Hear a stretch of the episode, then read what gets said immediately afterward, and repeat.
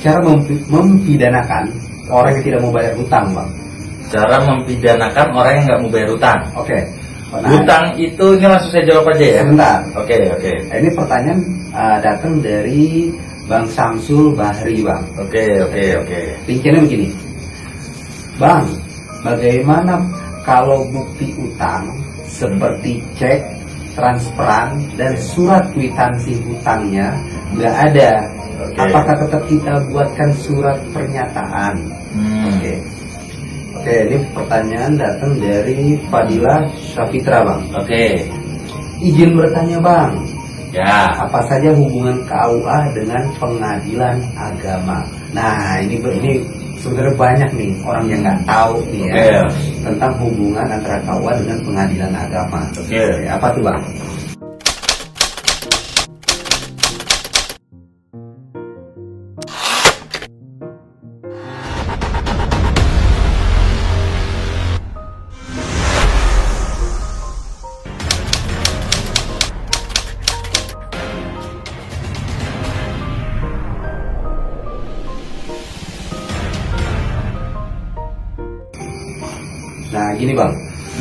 Ini di akun YouTube ini Mm-mm. banyak pertanyaan-pertanyaan Bang yang belum terjawab nih, Bang. Oke. Akun YouTube saya. Iya, betul. Oke. Eh, aku bacakan, Boleh? Abang jawab. Boleh boleh boleh boleh. Sebentar. Aku tak lihat dulu, Bang. Cara mempi- mempidanakan orang yang tidak mau bayar hutang, Bang. Cara mempidanakan orang yang nggak mau bayar hutang. Oke. Nah, Hutang itu ini langsung saya jawab aja ya. Sebentar. Oke oke. Nah, Ini pertanyaan uh, datang dari Bang Samsul Bahri, Bang. Oke oke oke. Rinciannya begini. Bang, bagaimana kalau bukti utang seperti cek, transferan, dan surat kwitansi hutangnya nggak ada? Oke. Apakah tetap kita buatkan surat pernyataan? Hmm. Oke. Langsung Iya. saya jawab. Ya. Hutang piutang itu diatur dalam hukum perdata. Hmm. Ya. Yang namanya hutang piutang, apabila tidak dibayar maka orang itu melakukan one prestasi. Tidak ada di KUHP one prestasi, adanya di KUH perdata. Itu yang perlu masyarakat tahu. Ya. Yang kedua adalah kalau bicara hutang piutang mau dipidanakan, tentunya kesampingkan hutang piutangnya, tapi munculkan bujuk rayu, tipu muslihat, itika tidak baiknya yang dimunculkan. Jadi masyarakat kadang salah kaprah. Dia lapor ke polisi, dia bilang, Pak saya mau melaporkan orang yang nggak bayar utang. Nah itu saya pastikan laporannya pasti ditolak untuk disarankan digugat saja ke pengadilan. Tapi datang ke polisi itu, Pak ini ada orang menggunakan uang saya, dia mencoba meyakinkan saya dengan tipu muslihat dan bujuk rayu, namun dia tidak bayar. Sebagaimana yang meyakinkan ke saya itu. Nah, itu pasti diterima. Uh, aku kasih, kasih contoh. Nah, oke. Misalnya gini. Abang nagih utang ke aku, Bang. Mm-mm. Kemudian aku bilang, misalnya sekarang hari Rabu nih bang, Iya. nanti hari Jumat aku bayar. Eh, Nah, di hari Jumat aku nggak bayar bang. Oke. Nah itu maksudnya ke mana itu bang? Bisa dipidanakan bang? Bisa dipidanakan, bisa diperdatakan. Pidana itu kan untuk hukuman kurungan, hukuman badan penjara, ya, di mana umumnya ya hal-hal seperti itu itu dianggap penipuan. Karena dia udah menipu, mencoba meyakinkan. Dengan syarat kita harus cara penyampaian ke polisi itu bujuk rayunya yang kita tipu Jadi, muslihatnya, Bukan dari hutangnya. bukan hutangnya. Bagaimana cara dia mengelak dari hutangnya? Ya. Dan ketika tidak baik dia itu yang kita yakinkan ke penyidik atau ke polisi. Jelas sampai di situ nih ya. Oke. Oke, ini clear nih dari pertanyaan Bang Samsul Bahri ya. Oke. Oke, Ada lagi. Lanjut bang. Hmm. Ya. Oke, ini pertanyaan datang dari Fadila Syafitra bang. Oke. Izin bertanya bang, Ya. apa saja hubungan KUA dengan pengadilan agama? Nah, ini ini sebenarnya banyak nih orang yang nggak tahu nih ya Oke. tentang hubungan antara KUA dengan pengadilan agama. Oke. Apa tuh bang? Pengadilan agama itu suatu lembaga yang mengadili yang ada di Indonesia yang berkaitan dengan kompilasi hukum Islam dan hukum keperdataan. Sebentar, ulangi dulu bang. Hmm. kompilasi Si hukum Islam hukum Islam ah, dan hukum keperdataan. Jadi kompilasi hukum Islam itu kaitannya dengan fikih, Quran dan Sunnah Mhm. yang dikompilasikan dengan hukum perdata. Gitu. Contoh ya perkara hibah, Hmm. perkara waris, Mhm. perceraian, Hmm. izin poligami, Hmm. isbat nikah Oh. dan lain-lain itu pengadilan agama. Kalau kantor urusan agama KUA itu berkaitan dengan umumnya adalah di mana catatan pernikahan bagi umat muslim yang ada di Indonesia. khusus umat Muslim yang ada di Indonesia kantor urusan agama. Kalau misalkan non muslim itu di catatan sipil dicatatkannya. Tapi kalau umat muslim ya kan pencatatan terhadap pernikahan supaya dia diakui oleh hukum negara itu di KUA. Tapi kalau pengadilan agama yang tadi sampai di sini jelas ya. Jelas, Bang. Jadi clear ya dari Clear. Fadila Syafitra. Nah, lebih. Masih dilanjut sepertinya nih Bang. Oke. Cara mendaftarkan pernikahan. Oke. Siri. ya, Jadi Hmm. mendaftarkan pernikahan siri Oke. agar tercatat. Oke, pertanyaan datang dari Muhammad Khalid. Oke. Begini pertanyaannya. Jika penghulu sudah meninggal Hmm. dan saksi juga, eh, gimana tuh? Penghulu meninggal, saksi nggak ada. ya, Hukum itu kalau kita bicara hukum mau dicatatkan berarti kalau bagi umat Islam itu disebut dengan isbat nikah. betul. Ya, isbat nikah itu itu hakim nanti akan membuat dua putusan. Apakah permohonannya diterima atau ditolak? Pertimbangan hakim itu memutus adalah dari alat bukti. Kalau alat buktinya kurang dan alat buktinya nggak lengkap, maka dipastikan ditolak. Kalau alat buktinya lengkap, maka dipastikan diterima. Jadi kalau misalkan penghulunya udah meninggal dunia tidak bisa dihadirkan di pengadilan untuk dicatat apa mohon untuk isbat nikah dikabulkan, Hmm. maka disarankan tidak kabul Ulang. ulang dengan penghulu yang lain yang bisa dihadirkan. Gitu, karena berkaitan dengan pembuktian. Clear? Clear bang. Clear. Dari Muhammad Khalid sudah Ya. clear ya. Hmm. Nah ini mengenai bang, apakah hutang piutang bisa dipidana? Kembali lagi cuma dengan konteks. Jawaban yang tadi. Ya ini datang dari Ratif Bohai. Jadi yang nanya lain, Lain. tapi itu sama sama yang tadi. Ya taruhlah jawabannya yang tadi ya. Berarti clear itu. Clear. Judulnya gini, Hmm. pemerasan dengan modus sebar video itu Hmm. ada di konten abang. Hmm. Nah ini pertanyaan lahir dari ya, Bunga Mekar. Ya. ya. Begini pertanyaan, Hmm. Pak, kalau wajahnya sudah terverifikasi, Oke. tapi Instagram dan followernya sedikit, Oke. tapi mengaku kerja dengan usaha yang besar juga punya 9.000 karyawan. Oke. Nah, menjanjikan saya menikah asal memberikan foto vulgar. Ya. Aduh. Ngeri sekali ya. Ya, saya meminta buktinya seperti KTP dan voice call. Oke. Ya kan? Dia pasti nggak mau dan banyak alasan. Oke. Saya takut pak, apa yang harus saya lakukan untuk menjaga nama baik saya? Oke. Artinya kalau memang seperti itu yang harus dilakukan adalah menolak. Ya kan? Jadi intinya beliau ini eh, si target ini katakan oh pasangannya dia ini punya ekonomi lebih sepertinya. Mengakunya, Iya, tapi dia sendiri nggak tahu kepastiannya. Ini karena ini lahir dari sosmed ya. Oke. Nah, jadi langkah terbaiknya menurut Ari gimana? Menolak. Menolak. Jadi suatu hal itu harus ada pembuktian. Gitu loh. Apalagi kalau hal-hal yang mudah dikabulkan kayak mana KTP kamu kan mudah dikabulkan. Orang mau jadi suami atau mau jadi istri masuk identitasnya di diminta untuk diperlihatkan nggak diperlihatkan kan nggak logis. Gitu. Ah, aku lanjutin nih bang pertanyaan Ya, nih bang. boleh, boleh.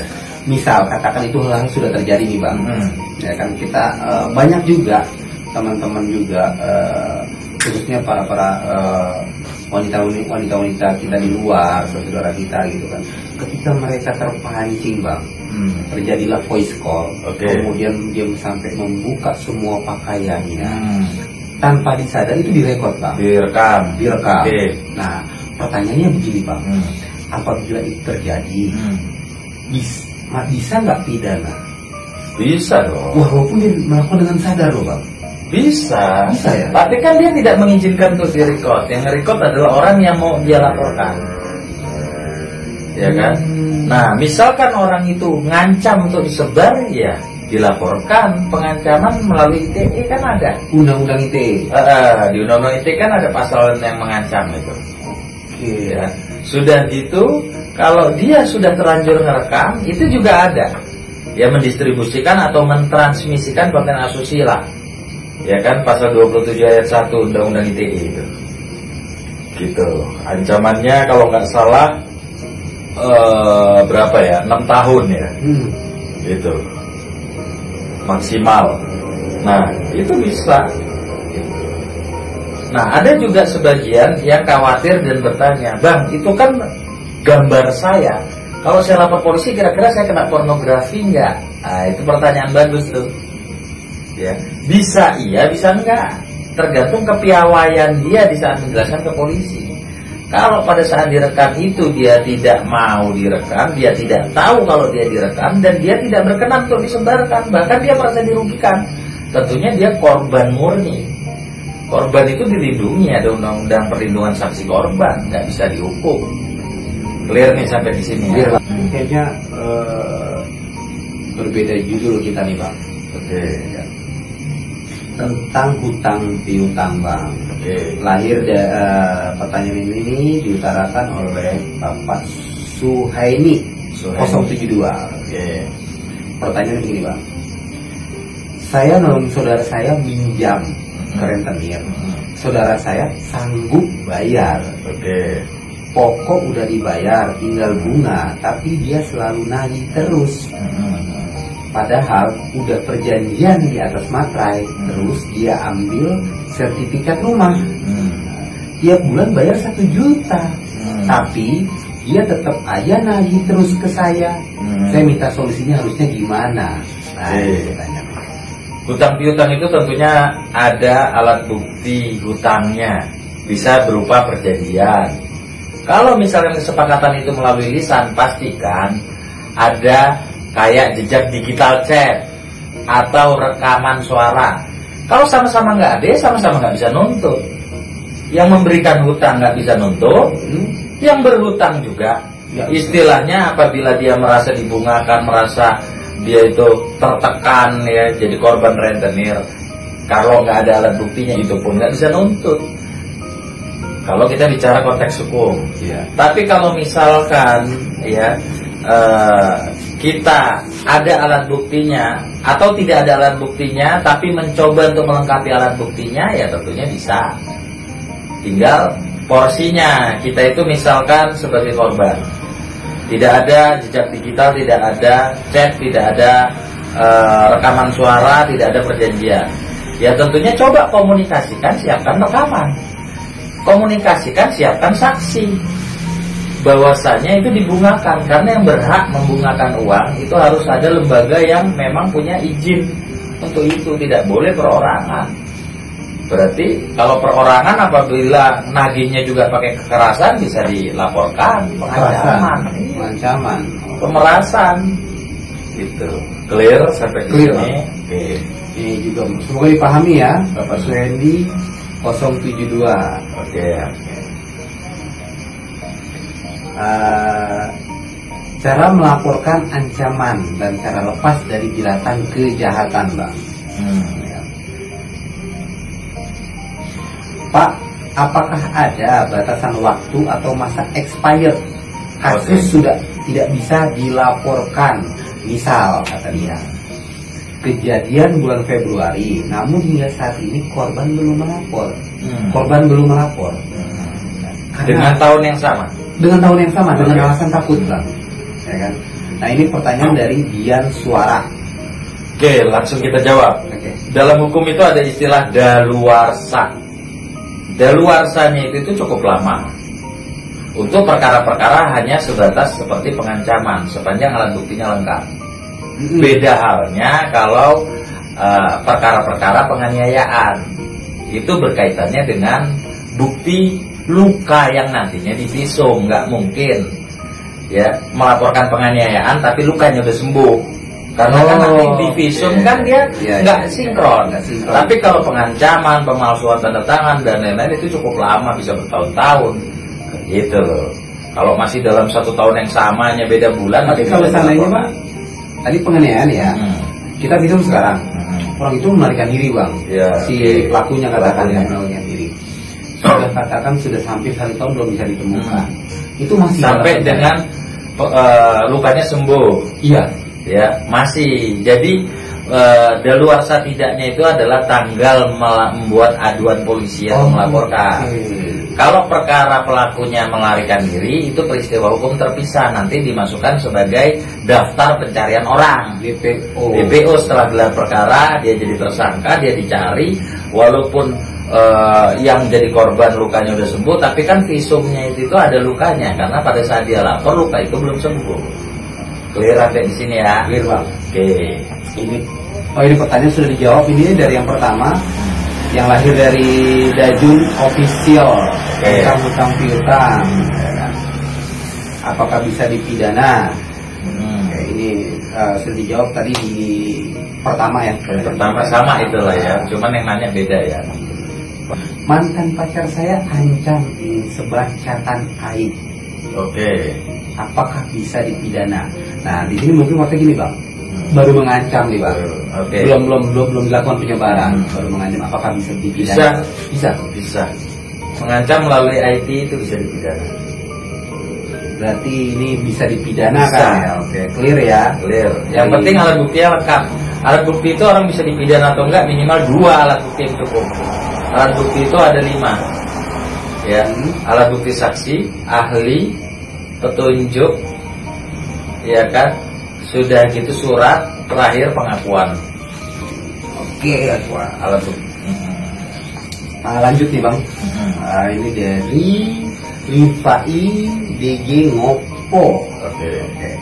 Nah ini pertanyaan sepertinya tentang masalah tanah nih bang. Hmm. Begini pertanyaannya, bagaimana Pak sekiranya lahan itu dikuasai Hmm. oleh orang lain Hmm. selama berpuluh-puluh tahun, Hmm. sedang saya punya bukti cuma data yang ada di kantor desa Hmm. dalam kurung letter C desa, Hmm. yang di situ tertera nama nenek saya. Sedang yang ditinggal di lokasi itu belum memiliki surat. Oke, Bagaimana itu tindakan hukumnya Pak? oke, langsung kita jawab. Ya, Berkaitan dengan kasus tanah itu adalah kita tidak bisa menuntut buru-buru kalau mau sempurna. Lengkapi dulu dokumennya, urus dulu dokumennya, tingkatkan dulu dokumennya. Yang disebut letter C itu bukan alat bukti kepemilikan, itu adalah alat bukti pajak. Zaman dulu iya, girik itu alat bukti pajak. Kayaknya masyarakat banyak yang nggak paham. Ya, alat bukti penguasaan atas tanah itu dia bayar pajak nenek dulu. Nah, Hmm. kepemilikannya apa? Kalau misalkan pajak itu ya bisa dijadikan kepemilikan, harus ada dasar di Undang-Undang Pokok Agraria. Ya, apabila dia dalam waktu tertentu menguasai lahan milik negara, dia garap, maka dia boleh mengajukan hak kepemilikan. Gitu loh. Nah, jadi dia harus melakukan itu dulu. Barulah dia daftarkan, dia tingkatkan sesuai prosedur dan syarat-syarat yang bisa diminta ke Badan Pertanahan kalau sekarang BPR. Nah, apabila tanah itu adalah tanah waris, dia harus urus dulu. Dia harus buat penetapan waris dulu. Peninggalannya nenek itu apa saja, ahli waris itu siapa saja selain dirinya. Baru nanti keluarganya mengutus menguasakan satu orang dari ahli waris agar namanya dicantumkan atas nama ahli waris itu yang nantinya dia dikasih amanah untuk ngebagi. Dia buatkan lagi eh, akta notaris untuk kesepakatan pembagian warisnya gitu. Nah, udah lengkap barulah dia nuntut yang menguasai yang nggak ada surat Letter itu. C itu Ya. bukan salah atau ya? tidak ya? Hmm. Salah tidak? Ya. Letter C itu bukan surat pen- penetapan saya pemilik tanah. Ada alat bukti eh, ada ada video saya di channel lain nanti mungkin kita akan taruh ya di video itu ya di eh, video berikutnya ya di terakhir video ini. Ya kita juga nanti akan taruh ya. Apa yang dimaksud dengan girik? Ya, dan seperti apa kekuatan hukum girik? Itu videonya sudah saya buat sebenarnya. Tinggal itu ditonton aja Sudah ada ya? sudah ada Oke, terima kasih Bang Ari. Eh, ini cara mendapatkan pernikahan siri. Oke, ini sudah. mendaftarkan pernikahan siri dengan cara isbat nikah Iya. permohonan Ini isbat nikah ke pengadilan Sri agama Endah tadi sudah dijawab, Hmm. pertanyaannya hampir sama. Ya. Kemudian pertanyaan dari Aris Setiawan. oke Pak, saya dapat somasi Hmm. terakhir sedangkan saya orang awam Hmm. nggak tahu cara balas somasi. ya Nah, arahannya gimana seperti itu Pak? Kalau orang awam nggak tahu cara balas somasi cari pengacara. Kalau dia tidak ada biaya untuk menyewa pengacara, cari LBH. Tapi kalau dia mau mencoba sambil belajar dengan menonton channel ini, Ya, ya jawab sesuai porsi keilmuannya saja, melainkan terangkan bahwa yang dituduhkan di dalam somasi itu hal-hal yang bisa menurut dia membela diri apa? Sepanjang ya dia harus tahu kalimat mana yang kira-kira menjerat dia itu dia harus paham.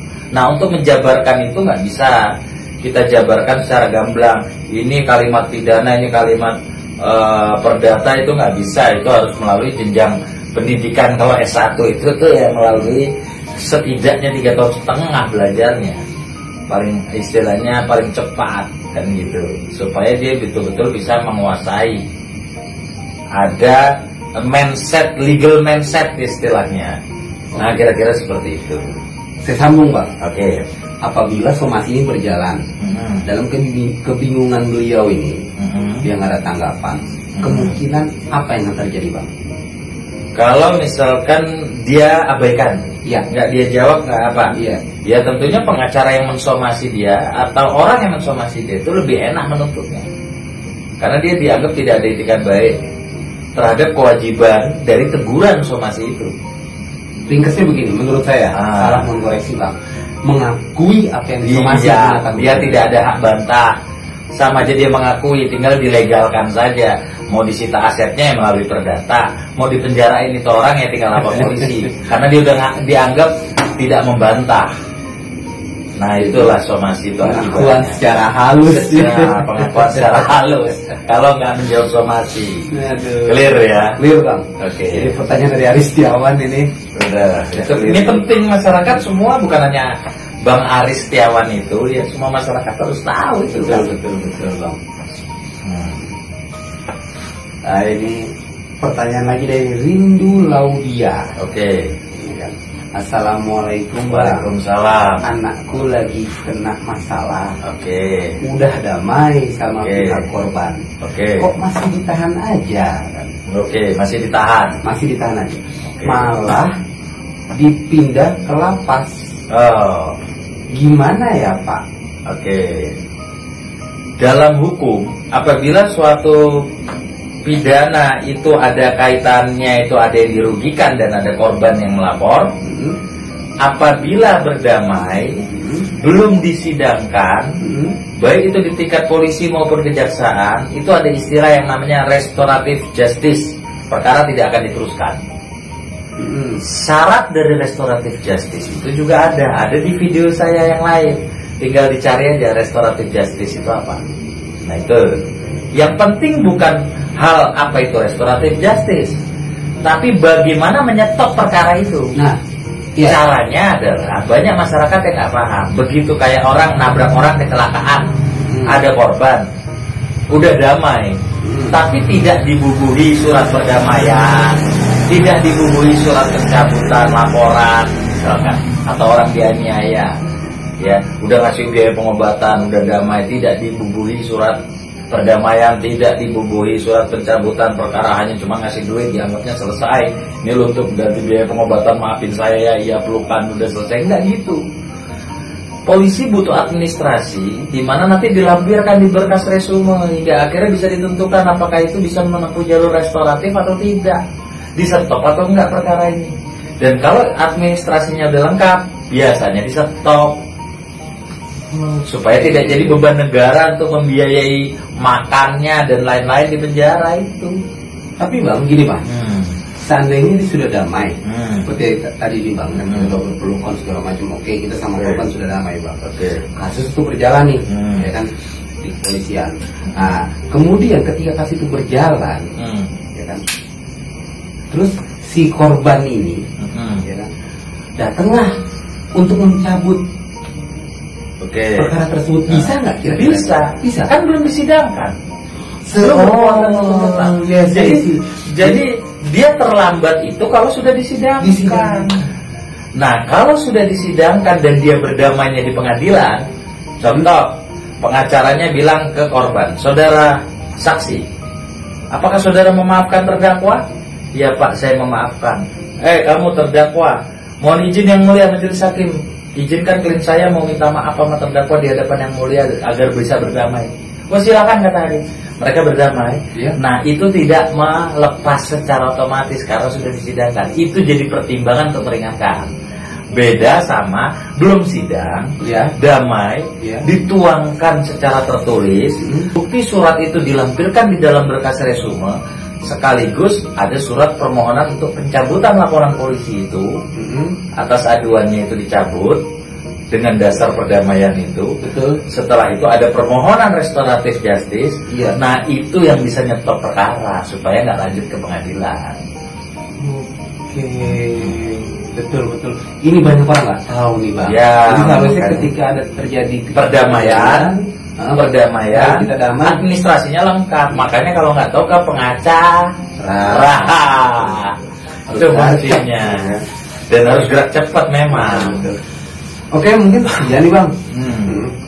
Udah cukup kayaknya ya. Hmm. untuk Nanti kita akan lanjut lanjut lagi di pertanyaan berikutnya yang akan masuk. Oke, kalau misalkan ada pertanyaan sebelumnya yang belum sempat dijawab, tolong diingetin lagi di video terbaru ini agar dibuat lagi. Oke. Nanti insya Allah kita jawab. Kita. Mudah-mudahan diskusi ini bisa bermanfaat untuk masyarakat Amin. dan yang sudah bertanya, ya kan bisa terus pantengin channel ini bahwa untuk bisa selamat dari jerat hukum kita harus punya pengetahuan hukum walaupun gelar pendidikan kita itu bukan sarjana hukum. Betul sekali bang.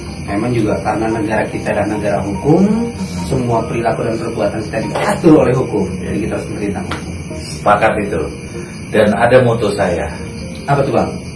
keadilan buat semua orang dan semua orang harus merasakan keadilan.